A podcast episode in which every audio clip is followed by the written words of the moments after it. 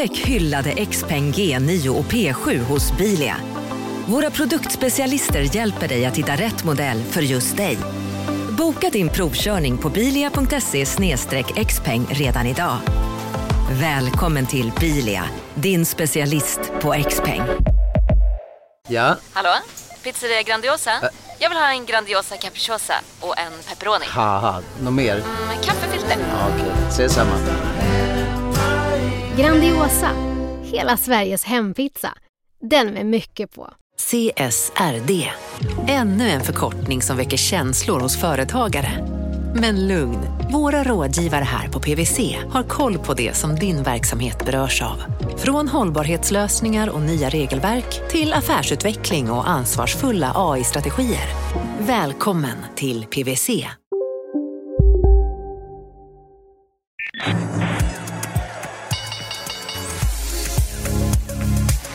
Det här är Affärsvärlden Magasin med Helene Rådstein.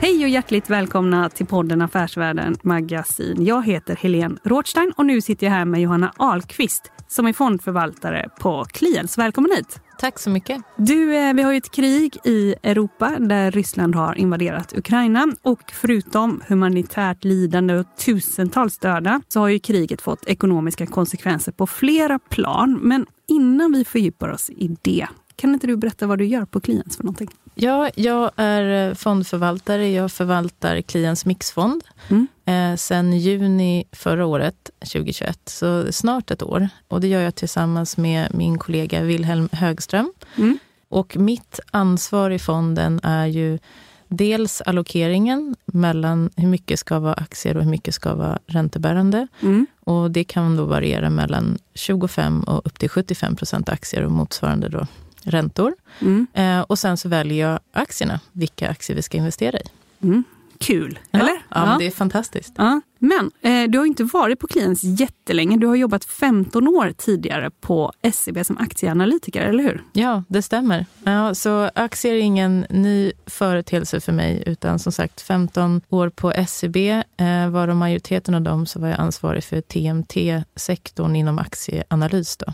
Mm. Eh, så telekom, media och tech. Mm. Och sen så Eh, har jag funderat genom åren på om man skulle gå över till köpsidan som vi kallar det och förvalta på riktigt, inte bara ge rekommendationer utan ta egna bets. Och det har väl aldrig känts 100% rätt. Eh, sen så pratade jag med klient som var en av, av mina kunder då, när jag jobbade på SEB. Och då alla boxar blev rätt på något sätt. Dels så är det ett fantastiskt team. Eh, jag tycker det är marknadens bästa förvaltare, måste jag säga, eh, som sitter där. Otrolig kunskapsbas. Sen är vi det lilla bolaget, 25 stycken, sju förvaltare, eh, förvaltar åtta fonder. Och förvaltning är, det är hjärtat av hela bolaget i det vi gör. Så att vi kan vara väldigt snabbfotade och eh, ja, men det är otroligt drivet gäng. Så att jag tycker eh, det kändes helt rätt och det gör det fortfarande. Jag har genast två frågor här kring det. Och det ena är då att gå från en storbank till ett ganska litet bolag. Mm. Eh, hur var det? Och den andra frågan som du kan svara på därefter, det är också ansvaret man får när man ska ta egna bets. Men kan vi börja med den första frågan? Ja, från storbank till det lilla och det var väl som sagt en av boxarna det tickade varför jag eh, ville gå till klients. Det var ju just att förvalta på en storbank hade jag också kunnat göra, men det är en helt annan politik eh, Eh, inblandad i, eh, i storbank. Det har man ju fått uppleva genom åren. Här är ju som sagt, det, det är väldigt lite involvering av, av andra delar, utan det, kärnan är förvaltning och att det ska gå så bra som möjligt för fonderna. Det är liksom hela syftet med bolaget. Och i en bank eh, så behöver man nog ta hänsyn till andra aspekter också. Sen har jag, får jag ge cred till SEB, jag var ändå där i, i 15 år, så att det har varit en fantastisk arbetsgivare. Men just förvaltning så kände jag att eh, ville till ett litet mindre ställe. Mm. Och detta då, att ta ansvaret och ta egna bets och inte bara ge rekommendationer. Hur var det? Ja, det blir ju en annan... Eh, man lever ju med sin fond 24 timmar om dygnet. Mm. Eh, så är det ju. Och det är väl kanske en stress på ett sätt, men man blir ju, om man var nyhetsjunkie innan, så blir det, har väl det eskalerat ännu mer i sista tiden. Och mm, samtidigt är ju det som är lite tävlingsmomentet i det här också. Är man en tävlingsmänniska, som jag tror att jag är, så det är ju en, en, eh, en bit som gör jobbet extra kul. Att, och du kan ju mätas på daglig basis hur det går för din fond. Jag tycker det är en viktig positiv faktor. Då förstår jag att eh, du har haft en tanke om vilka aktier du ska välja ut före det här kriget. Då, och sen, hur har du ändrat dig sedan kriget briserade? Eller hur, hur tänker du nu kring allokeringen?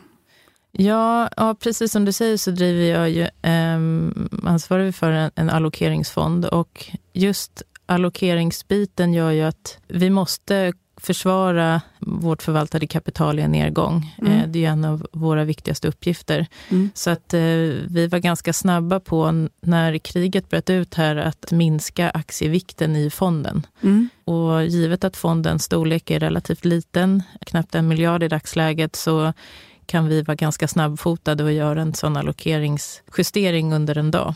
Mm. Och det är lite så som eh, jag och Wilhelm, då, min kollega som sköter räntebenet av, av fonden, jobbar. Att vi har, han sitter på ganska likvida bitar i, eh, i räntebenet. Eh, en del som vi avtalat som snabbt ska kunna ställas om mellan 5-10 procent. Mm.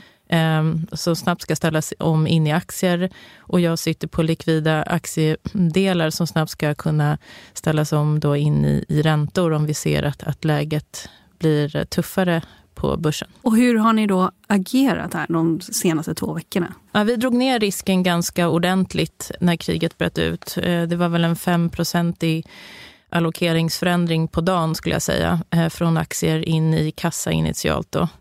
Och där har vi eh, hovrat ett tag. Eh, så vi har eh, ganska mycket kassa nu och eh, är redo att doppa tårna i ja, olika aktier där vi ser att, eh, att de långsiktiga storyn fortfarande håller eh, och där vi ser attraktiva ingångsnivåer. Men det är väldigt skakigt läge där ute så man måste fortsatt vara väldigt, väldigt eh, selektiv mm. och försiktig. Nu vet vi ju aldrig hur länge det här kriget pågår och vi vet ju det förändras ju dag till dag. Hur tänker du när du sitter framför skärmarna och, och sådär? Alltså, kriget är ju helt fruktansvärt och ibland kan det kännas ganska makabert att sitta och försöka liksom hitta vilka är vinnare på det här och så vidare. Men jag tror ju, ju längre kriget håller på, eh, desto tuffare blir det för konjunkturen. Och då kommer ju alla drabbas. Alltså får vi en lågkonjunktur, en recession, då, då är det svårt att gömma sig på aktiemarknaden. Så är det. Eh, men om vi ändå hoppas då, för, framförallt för, för alla i Ukraina, att det här kriget inte blir särskilt långvarigt, att vi får ett avslut. Ehm, då är det, det vi ser nu är egentligen, förutom de bolag som har direkt exponering mot Ryssland, de kommer ju drabbas, så får man ju en eh, konsekvenser av en kostnadsinflation. Både liksom olja, gas, övriga råvaror. Eh, olja är en viktig komponent i tillverkning av plast exempelvis, så att det där får ju enorma spridningseffekter.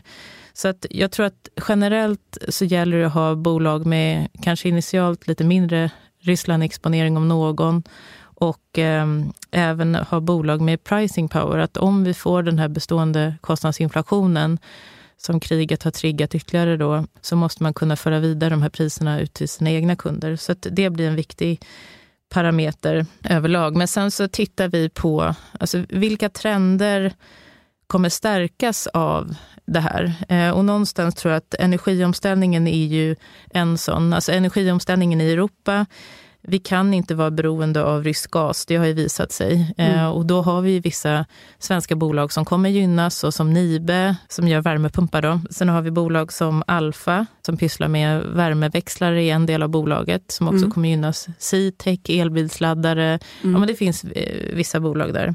Mm. Så att det är väl en sak att ha med sig. Eh, men sen är det klart att det finns sektorer också Å andra sidan så kommer få det mycket tuffare. Ett exempel över konsumenten kommer ju lida ganska eh, mycket framgent, tror jag. Dels ja, högre energipriser. Eh, vi ser alla vad bensin och dieselpriserna är på väg. Och sen så högre matpriser. Vetepriserna sticker i höjden och sen så lite på det då även en, en räntehöjning. Så hushållen kan få det ganska kämpigt framöver och då tror jag att man ska man in i konsumentrelaterade bolag så, så måste man se till att de har den här pricing powern vi, vi pratar om. För att där kommer nog det bli ganska tufft eh, under ett tag framöver. Alltså pricing power, att man, är, att man är ganska ensam eller stark på sin marknad och eh, att man kan pressa mot leverantörer neråt eller pressa mot slutkonsumenter? Ja, egentligen precis att du har en stark ställning på marknaden, en, en stark produkt där du kan ta ut, höja priset i nästa led, alltså ut mot konsument. Mm. För um, volymen kommer påverkas, så är det. Mm. Och även som sagt komponentpriserna. Mm. Um, så är det. Så att vi tänker väl lite, dels den här energiomställningen, men sen också att man kanske kryper lite närmre hem, om man får säga så. Att mm. Man tittar på bolag som har en ganska lokal nordisk exponering mm. eh, och mjukvarubolag kanske inte drabbas allt för hårt om konjunkturen och kommer bli lite vacklig framöver. Så då har vi bolag som Lime, vi har ett annat mjukvarubolag, Momentum Software som, som vi kommer prata om lite senare. Båda de mm. två har ju fastighetsbolag i Norden som sina kunder och som sagt, de säljer mjukvara. Du lyssnar på Affärsvärlden Magasin med Helene Rådstein. Marknaden sponsras av SPP, pensionsbolaget. Eh, förra gången pratade vi lite om ITP. Och som en kort repetition så, så var det ju 70-tal, arbetsmarknadens parter bestämde att alla tjänstemän ska ha en tjänstepension. Man kom överens om vilka villkor som ska gälla i den här pensionen och så kallade man den för ITP. Så jobbar man idag som tjänsteman i ett företag med kollektivavtal, då har man förmodligen den här pensionen, ITP-pensionen. Eh, och det är ju så att man kan påverka eh, den här pensionen, hur den är placerad. Vart femte år så gör nämligen Collectum, som de heter, en enorm upphandling där olika pensionsbolag kan ansöka om att få förvalta eh, de här pensionerna. Och SPP är ett av bolagen som valdes ut i den senaste upphandlingen. Och sen kan du som pensionssparare välja eh, vilket av de här olika pensionsbolagen som, som då ska få ta hand om dina pengar. Och tanken med den här upphandlingen är ju att liksom kvalitetssäkra de här olika alternativen eh, men också att förhandla fram stora rabatter så att pensionsspararna ska få ja, kunna spara pengar genom att avgifterna eh, som är så viktiga eh, blir eh, lägre. Och vill man välja någonting i ITP-systemet då finns det en relativt ny sajt som heter avtalat.se. Ehm, där kan man gå in och se hur sin ITP-pension är placerad. Jag gjorde det häromdagen faktiskt. Ehm, idén är att hälften av pengarna alltid ligger i något som kallas för traditionell försäkring. Det här gjorde vi ett avsnitt om i podden Kapitalet nyligen eh, som vi kallade världens bästa sparform. kan man lyssna på om man är intresserad. Eh, den andra halvan eh, den kan man också lägga i en traditionell försäkring eller så kan man placera det i något som kallas för fondförsäkring. Eh, SPP som sagt eh, var ju ett av de fåtal bolagen som valdes ut i den senaste upphandlingen och de finns med som alternativ både med en traditionell försäkring och med eh, fonder. Så det var en liten bakgrund till ITP-systemet. Vill man läsa mer om det här eller typ kolla hur ITP-pensionen är placerad, eh, kanske göra förändringar, då går man in på avtalat.se Eh, men tack säger jag till SPP som vill göra oss människor mer medvetna om hur enormt viktig pensionen är för oss som en framtida lön, men också som en positiv kraft i samhället eh, och förstås för att ni möjliggör eh, den här podden Marknaden. Utifrån det här läget nu, som sagt, vi vet inte hur länge det här kriget pågår och vi vet ju inte ifall vi får en ordentlig recession ifall det här pågår jättelänge eller hur många länder som dras in i det här. Vi, vi, vi, vet ju verkligen väldigt lite, men utifrån det vi vet idag så tänkte jag att kan vi inte ändå prata lite om olika guldkorn som du kanske ändå ser i det här läget som är. Jag tänkte vi skulle börja med adtech, för det har ni också i portföljen, eller hur? Ja, Adtech är väl ett sånt bolag som jag tycker man ska äga över tid. Mm, en serieförvärvare. Ja, exakt. Mm. Under slutet förra året så skalade vi ner vår position i Adtech ganska ordentligt i fonden. Just på grund av att multiplarna sprang lite för fort. Sen tittar man nu så har ju den aktien i linje med mycket annat och speciellt compounder-spacet och mm. fallit. Så där tycker jag ändå att det finns en, en, ett väldigt bra eh, läge. Sen så är ju börsen lite skakig så man kanske inte ska gå hela linan ut, men jag tycker att det, det är ett, ett case att äga på lång sikt, absolut. För, för vad gör Adtech för något? De är verksamma inom flera olika industrier som de levererar till, eller vad ska man säga? Ja, exakt. Det är ett, ett handelsbolag, så de eh, liksom levererar ju komponenter och delar till en mängd olika bolag och industrier. Liksom. Så det är allt ifrån ventilatorer och sensorer, kablar, batterilösningar, liksom produkter till elinstallation. Alltså du har en otrolig bredd. Så Adtech består väl av över 140 bolag. Men det här är ett bolag som som sagt är bevisat på, de har 20 års börshistorik. Mm. Växte nu i Q4 13 procent eh, organiskt år över år. Och sen har de ju den här compounder-effekten då, förvärvsbiten, att de också kan lägga till förvärv för att stärka tillväxten ytterligare. Och det gör ju de genom att använda sin egen balansräkning. Så de går inte till börsen och, och ber om pengar, utan de använder sina egna kassaflöden att förvärva de här bolagen. Så att det tycker jag är en ehm, en väldigt fin del av, bolaget. Väldigt bra ledning som jag har stort förtroende för. Och sen så finns det ju en, en liten så lockande bit med det där att det var väl 2016 när Adtech spann av Adlife, mm. eh, som nu är ett separat och mm. väldigt lyckosamt börsbolag. Mm. Och det finns ju, jag menar, blir de för stora och att storleken i sig begränsar tillväxten så finns det ju en option där att man skulle kunna spinna av ett av de andra benen och göra liksom en, en repris av det där. Mm. Så det, det ligger väl längre fram i tiden, men, men det finns ändå den optionen. Det tycker jag också är spännande med caset. Ni har också varit med i vissa introduktioner förra året och en sån var ju Momentum Software. Mm. Kan du eh, förklara varför ni gick in där och varför du tror på dem framöver? Mm. Eh, Momentum Software det är ett, ett, eh, litet bolag, ungefär en miljard eh, market cap. Men det här är ett, ett väldigt fint bolag. De har 180 kunder, huvudsakligen fastighetskunder. Mm. Över tusen användare av deras mjukvara. Och det de gör då, de säljer ett affärskritiskt system till fastighetsskötare. Fastighetsskötaren kan med hjälp av den här mjukvaran då hantera liksom objekt, hyresgäster, kontrakt, underhåll av fastigheterna och sådana bitar.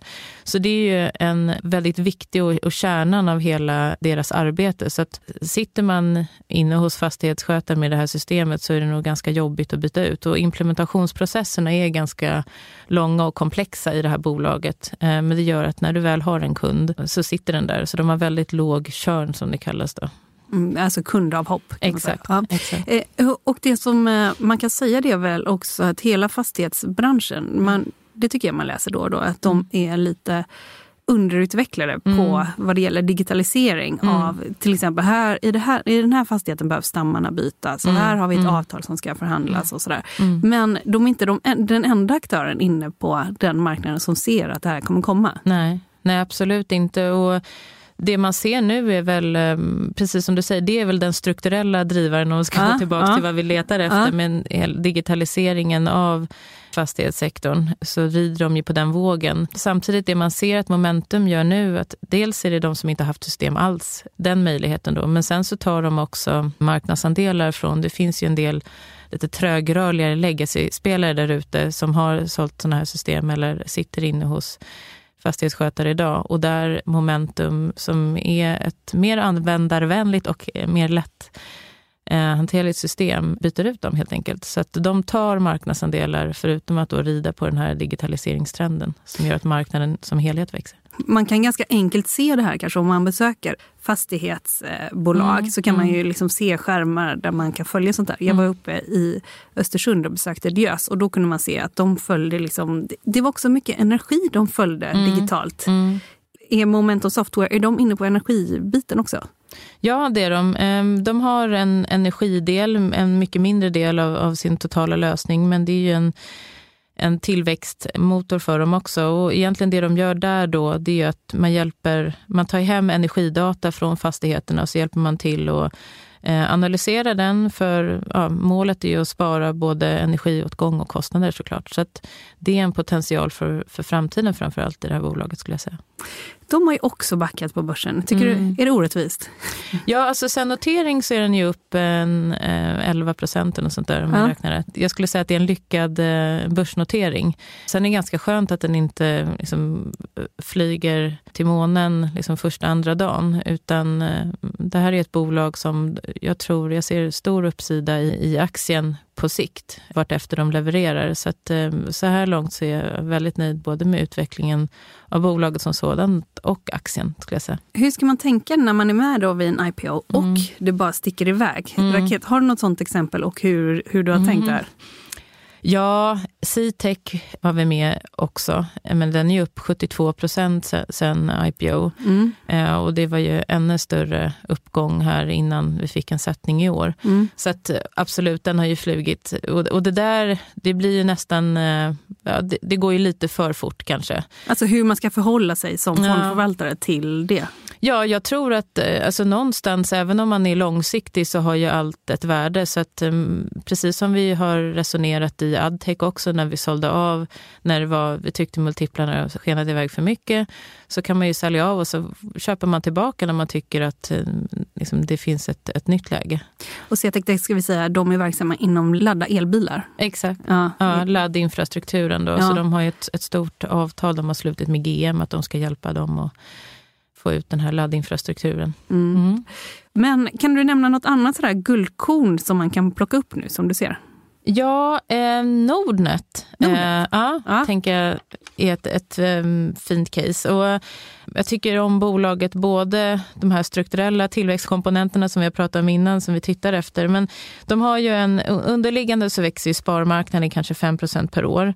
Och sen har ju de en otroligt stark kundtillväxt och det är ju framförallt kanske utanför Sverige. Både Finland, Norge och Danmark börjar bli nästan lika stora som Sverige. I alla fall om du spelar bandet ett, två år i tiden. Jag tror i Norge, Danmark så är kanske 6% på Nordnets plattform av liksom befolkningen då, men det är 10-20 procent som, som äger aktier. Så att eh, där finns det ju en, en, stor tillväxtpotential och de släpper ju också nya produkter nu i de här marknaderna med inriktning både på bolån men även pensionslösningar. Så att Ja, men Nordnet tycker jag är en väldigt spännande strukturell tillväxtresa. Och sen gynnas ju de, skulle vi få högre räntor även i Sverige då, mm. eh, på lite sikt, så är ju Nordnet eh, en vinnare på, på högre räntor. Eh, och om man ska jämföra då med Avanza som mm. är störst i Sverige, mm. hur tycker du man ska tänka kring eh, att du lyfter fram Nordnet nu och mm. inte Avanza? Mm. Ja, men eh, dels så har vi en värderingsdiskrepans i, i de mm. båda. Jag tror Nordnet är väl en 30% billigare än Avanza. Och jag tycker någonstans att Nordnet har större tillväxtpotential just för att de är utanför Sverige. Mm. Och Avanza är ju 100% spel på, på svenska marknaden. Så att eh, Nordnet är, är mer intressant. Mm. Har du själv Avanza eller Nordnet privat? Jag faktiskt båda. Ja. Vad tycker du då? Alltså, produktmässigt så, så, är de ju väldigt lika. Det finns ingenting du kan göra på den ena som du inte kan göra på den andra. Eh, men sen så eh, får man säga, tittar du på Avanza så var ju de först ut i Sverige. Så de har ju absolut eh, högst marknadsandel i Sverige, så är det ju. Så det är en liten vanesak tror jag, hur man använder att interfacet det ser olika ut. Det är lite som att jämföra PC och Mac eh, i, i liksom datorvärlden. Så att caset i Nordnet bygger inte på att de ska ta marknadsandelar av Avanza, utan kanske framförallt av storbankerna och även då att de ska växa utanför Sverige i Norden.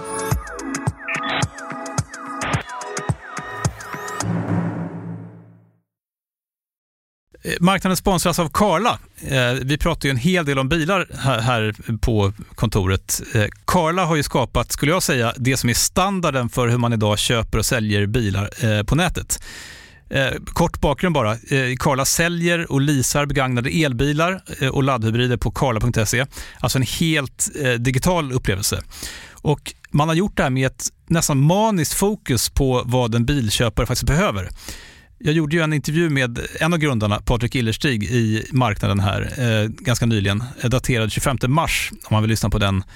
Eh, men där berättar han hur de kom in i det här lite från vänster för att försöka uppfinna hela den här liksom bilköpupplevelsen från början. Och de har idag, vilket är rätt otroligt, 4,8 i betyg eh, på Trustpilot. Jag, jag har sett många företagssidor på Trustpilot, men det här är nog bland eh, det bästa jag någonsin sett eh, faktiskt. Man kan sälja bilen till Karla också. Eh, då går man in på karla.se, delar lite info om bilen, sen får man en gratis värdering och ett bud. De hämtar bilen helt gratis i hela Sverige och så har man pengarna på kontot i samma stund som de hämtar bilen. Det är grymt. Eh, så ska du köpa en ny bil eller sälja din gamla, eller båda delar för den delen, gå in på karla.se och eh, kolla. Alltså karla.se och Karla stavas med C. Tack så mycket till Karla. Ett annat innehav som ni har tagit in, eller som ni har i fonden, det är ju mm. Hexagon. Ja, Hexagon eh, är ju en liten favorit. Den har ju också, precis som många tillväxtbolag, kommit ner ganska mycket. Men tittar man på den så finns det ju väldigt många strukturella trender som eh, gynnar dem. Och vi pratar ju mycket om det här metaverse ja. just nu. Ja. Eh, så de är ju lite ett spel på den trenden. Man, de pratar mycket om att man skapar digitala tvillingar av en fabrik eller en stad. Eller, och då egentligen så är det ju att du tar deras sensorer eller realtidsmätning och kopplar ihop det med en mjukvara som de erbjuder. Och då kan du ju liksom effektivisera nästan vad som helst. Det är så här fantasin sätter gränserna. För att eh, då kan man mäta hur, hur ska du lägga rören under en väg? Hur ska du bevattna en åker optimalt? Hur ska du eh, styra trafikflödena optimalt i en stad? Och sen så byggnation, vi var inne på det tidigare med Momentum Software där, men det är ju en eftersatt sektor också. Och de köpte nyligen ett, ett bolag, Infor, ja. heter det. Mm. Ehm, så, som litet spel på den biten. Då. Och sen så får de in, givet det förvärvet också, de här Kock Industries som partner.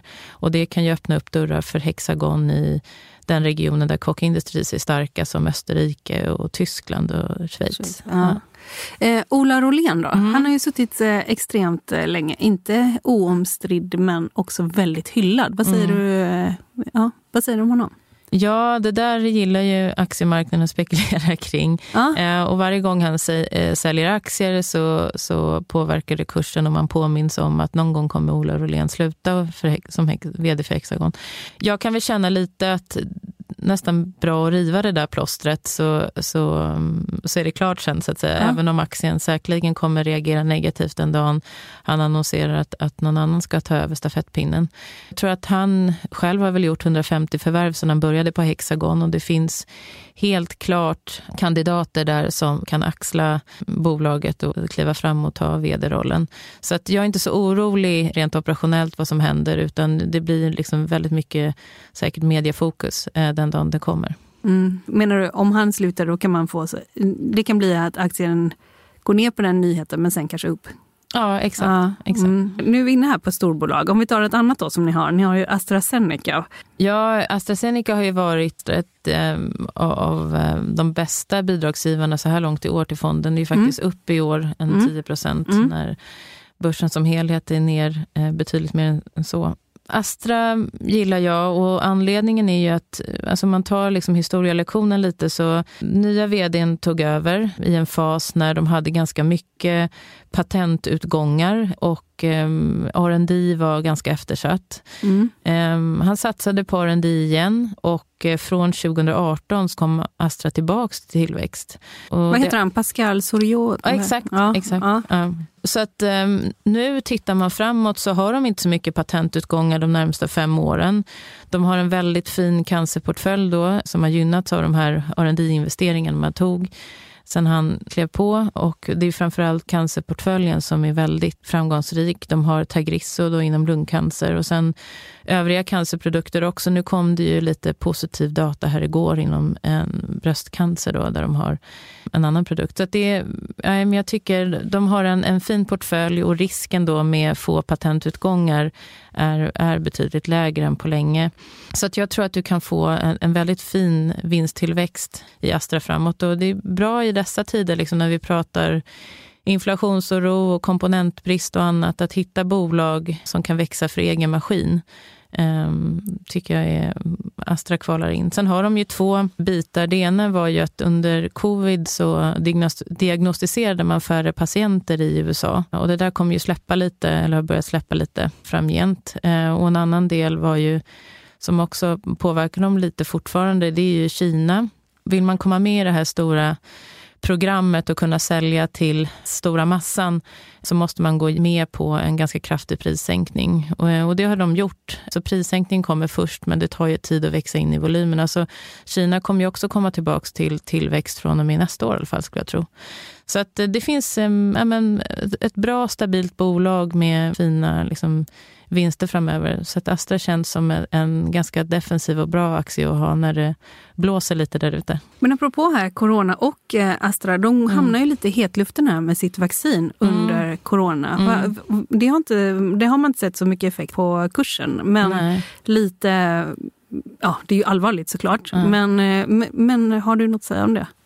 Ja, alltså egentligen det man kan säga att Astra, jag tyckte de gjorde det väldigt bra för att d- till skillnad från kanske andra bolag där ute som också tillverkar vaccin så var de tydliga med från början att det här var ingen vinstdrivande verksamhet utan eh, man tillverkar det här eh, för att kunna ge vaccinet så fort som möjligt ut i världen och det är Mm. ingenting de ska tjäna stora pengar på.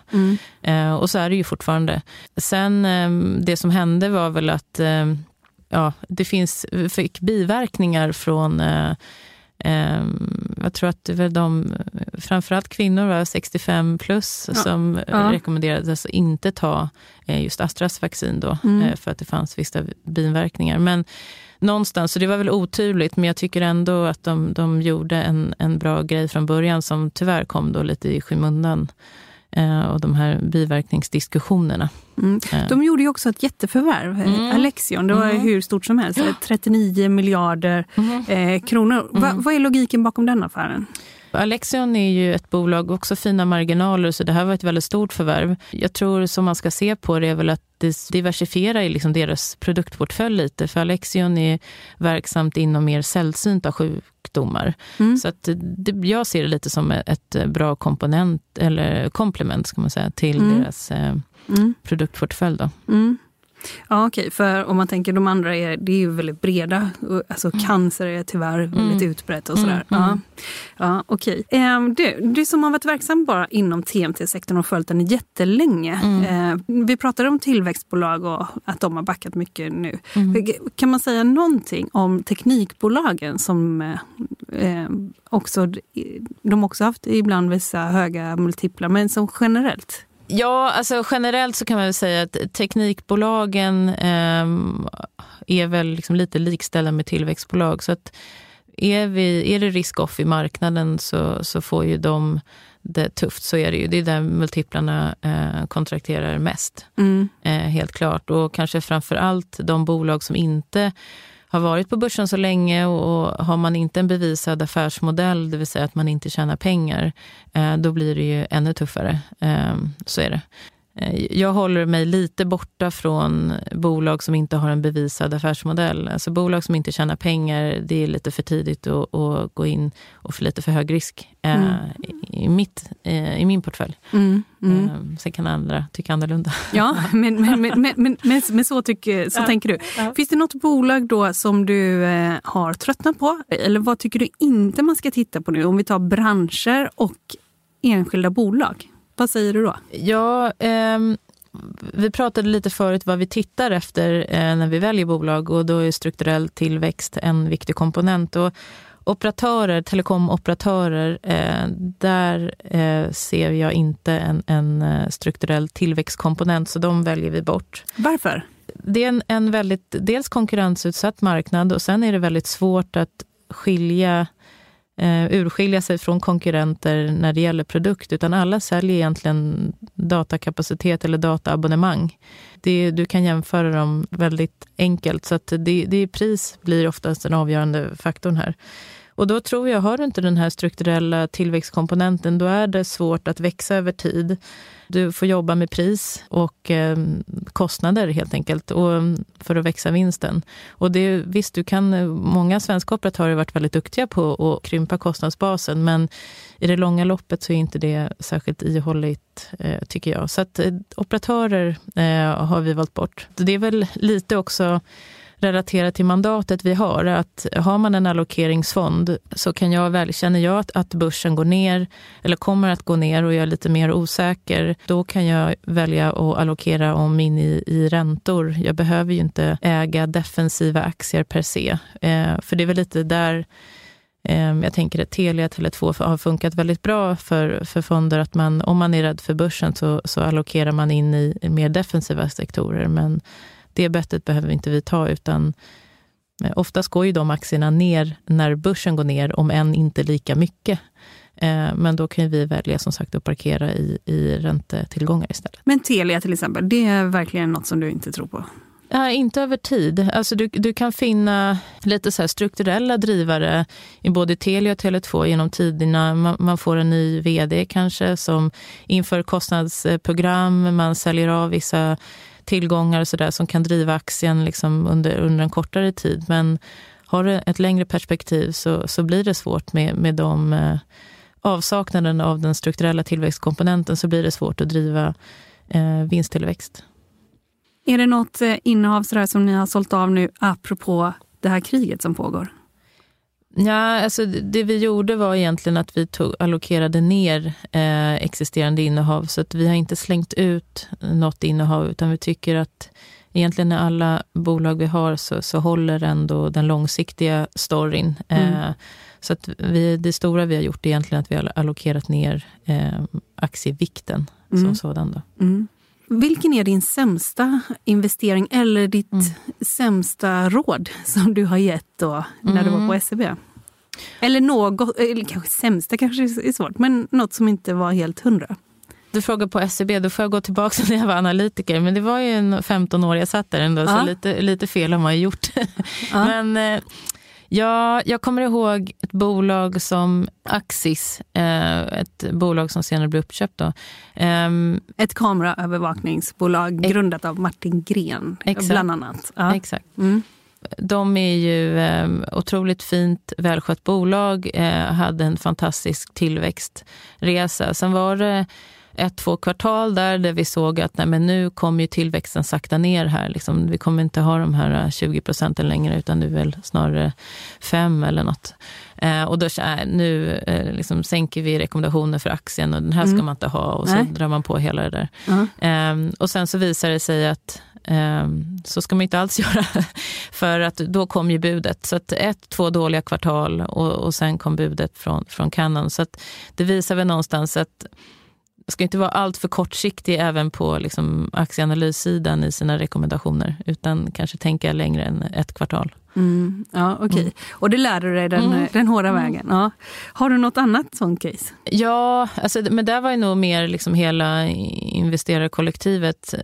Vi hade ju telekom inom min, mitt coverage också där och Tele2 och Comhem var ju listat då, back in the days. Mm. Comhem var ju lite av svenska investerarkollektivet, ett bolag man inte riktigt tyckte om. Mm. För eh, värderingen framför allt, den var ju väldigt hög. Ansågs som ett kabelbolag, men de strukturella trenderna ifrågasatte man i alla fall från eh, svenska investerarkollektivet att kabel-tv, det är strukturell nedgång i den businessen. Mm. Eh, så över tid så ska inte de här växa. Och sen gick ju, ju tesen då att Tele2 skulle köpa Comhem. Det var mycket utländska investerare som pushade storyn att Comhem kommer bli uppköpt. Mm. Och svenskarna höll inte alls med oss. Liksom, varför skulle Tele2 köpa kom hem. Mm. Betala en, en premie liksom på ett listat bolag för något som inte växer över tid. Den aktien kommer ju rasa om de skulle göra en sån där, men det kommer inte hända. Uh, och sen så, vi höll väl med, liksom, det, det, det, verkar inte logiskt. Om man är, varför skulle Tele2 göra det? Men sen så började vi gräva lite där och så tänkte vi, så, men vänta nu, vem är det som sitter och bestämmer i Tele2? Liksom, det är Kinnevik som äger Tele2. Ja, och sen köpte de in sig en stake i Comhem också. Och då ändrades ju liksom situationen lite och matematiken också för den delen. För då blev det ju egentligen att Kinnevik betalade en premie. Om, de, om Tele2 la ett bud på Comhem så betalade Kinnevik indirekt en premie till sig själva. Mm. Och från ett kassaflödesperspektiv så blev det ju en, en jättebra affär för Kinnevik. Och det var ju då man insåg att liksom, det är klart den här affären, det är en done deal. Och så blev det. Tele2 köpte kom hem, aktien var ju ner på dagen då, eh, för det här tyckte man inte om. De överbetalade tyckte svenska marknaden för något som liksom är strukturell eh, decline. Sen har det blivit så att de har väl rått ihop det där ganska bra. De kämpar väl lite med tillväxten i hem businessen fortfarande. Men ja, någonstans, vad lärde man sig av det? Jag tror hela svenska marknaden lärde sig något av det. Att, nej, men, eh, tänka lite, vem är det som sitter högst upp och, och liksom bestämmer och drar i tåtarna? Det är kanske så spelet kommer utveckla sig, snarare än vad som är logiskt för liksom just en spelare på marken. Ni hade ju suttit och tänkt på det här och sen så hände det här. Var, mm. det, var det fel tänkt utav er då, egentligen? Nej, alltså vi, vi tänkte ju rätt och vi skrev ju analysen där eh, att eh, Tele2 skulle köpa Comhem. Ja. Eh, sen hände det ju, tänkte ju inte att det skulle ske så fort och vi Mm. löpte inte hela linan ut och satte liksom köp på Comhem och en hög riktkurs. Men sen hände det där liksom inom loppet av ett halvår, Mm. så att det gick ju väldigt fort. Så då på ett sätt, då, vi fick ju rätt i analysen. Ja. Eh, sen vågar man ju aldrig löpa hela linan ut. Mm. Ja. Och detta då, när du har lämnat, eh, du har inte lämnat, Mm. men eh, innan så körde du ju TMT och nu så har du ju mycket bredare mandat. Mm. Hur, hur tänker du kring det? Ja, alltså någonstans så, TMT är ju ganska brett i sig också. De Ja. flesta bolag vill ju ha någon form av, liksom tech är ganska brett och Ja. alla bolag vill ha någon form av tech-aspekt i sig. Ja. Eh, om inte annat för värderingen i, i tid och otid. Och, och om inte annat under de här 15 åren kan man ju säga Mm. också. Ja. Mm. Mm. Ja, precis. Så att jag har ju, alltså jag, under mina 15 år på SEB så har jag ju um, täckt en väldigt massa bolag och även om vi inte haft täckning så har man varit inne och tittat på väldigt många sektorer. Hexagon är ju mångt och mycket techbolag. Så Mm. jag har stött på väldigt mycket olika affärsmodeller och analyserat bolag um, inifrån och ut. Ja. Så att, eh, och det är lite det jag gör idag också, Mm. fast jag behöver bredda mig i, i vissa områden. Sen ja, jobbat på en bank i, i herrans massa år så lär man sig hur den affärsmodellen fungerar också. Så att jag tycker ändå att jag har ett ganska bra grepp. Men det finns det är klart, det är vissa delar man behöver fylla på kunskapsbasen. Men det är samtidigt det som gör jobbet väldigt stimulerande. Mm. Om jag får fråga den här frågan. Om, jag, om eh, du kommer tillbaka här om ett år, Ja. vad tror du att vi pratar om då?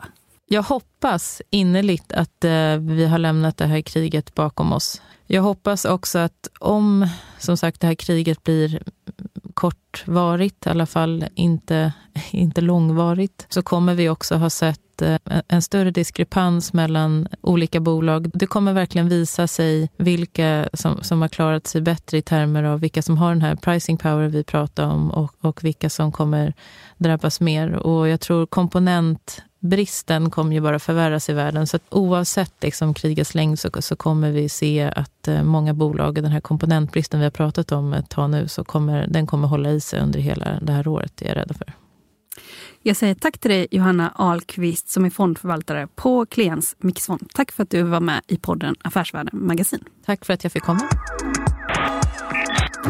Du har lyssnat på podden Affärsvärlden Magasin med mig, Helene Rådstein. Mer information och mer analyser finns på affärsvärlden.se. Och den här podden, den är tillbaka om en vecka. Håll ut!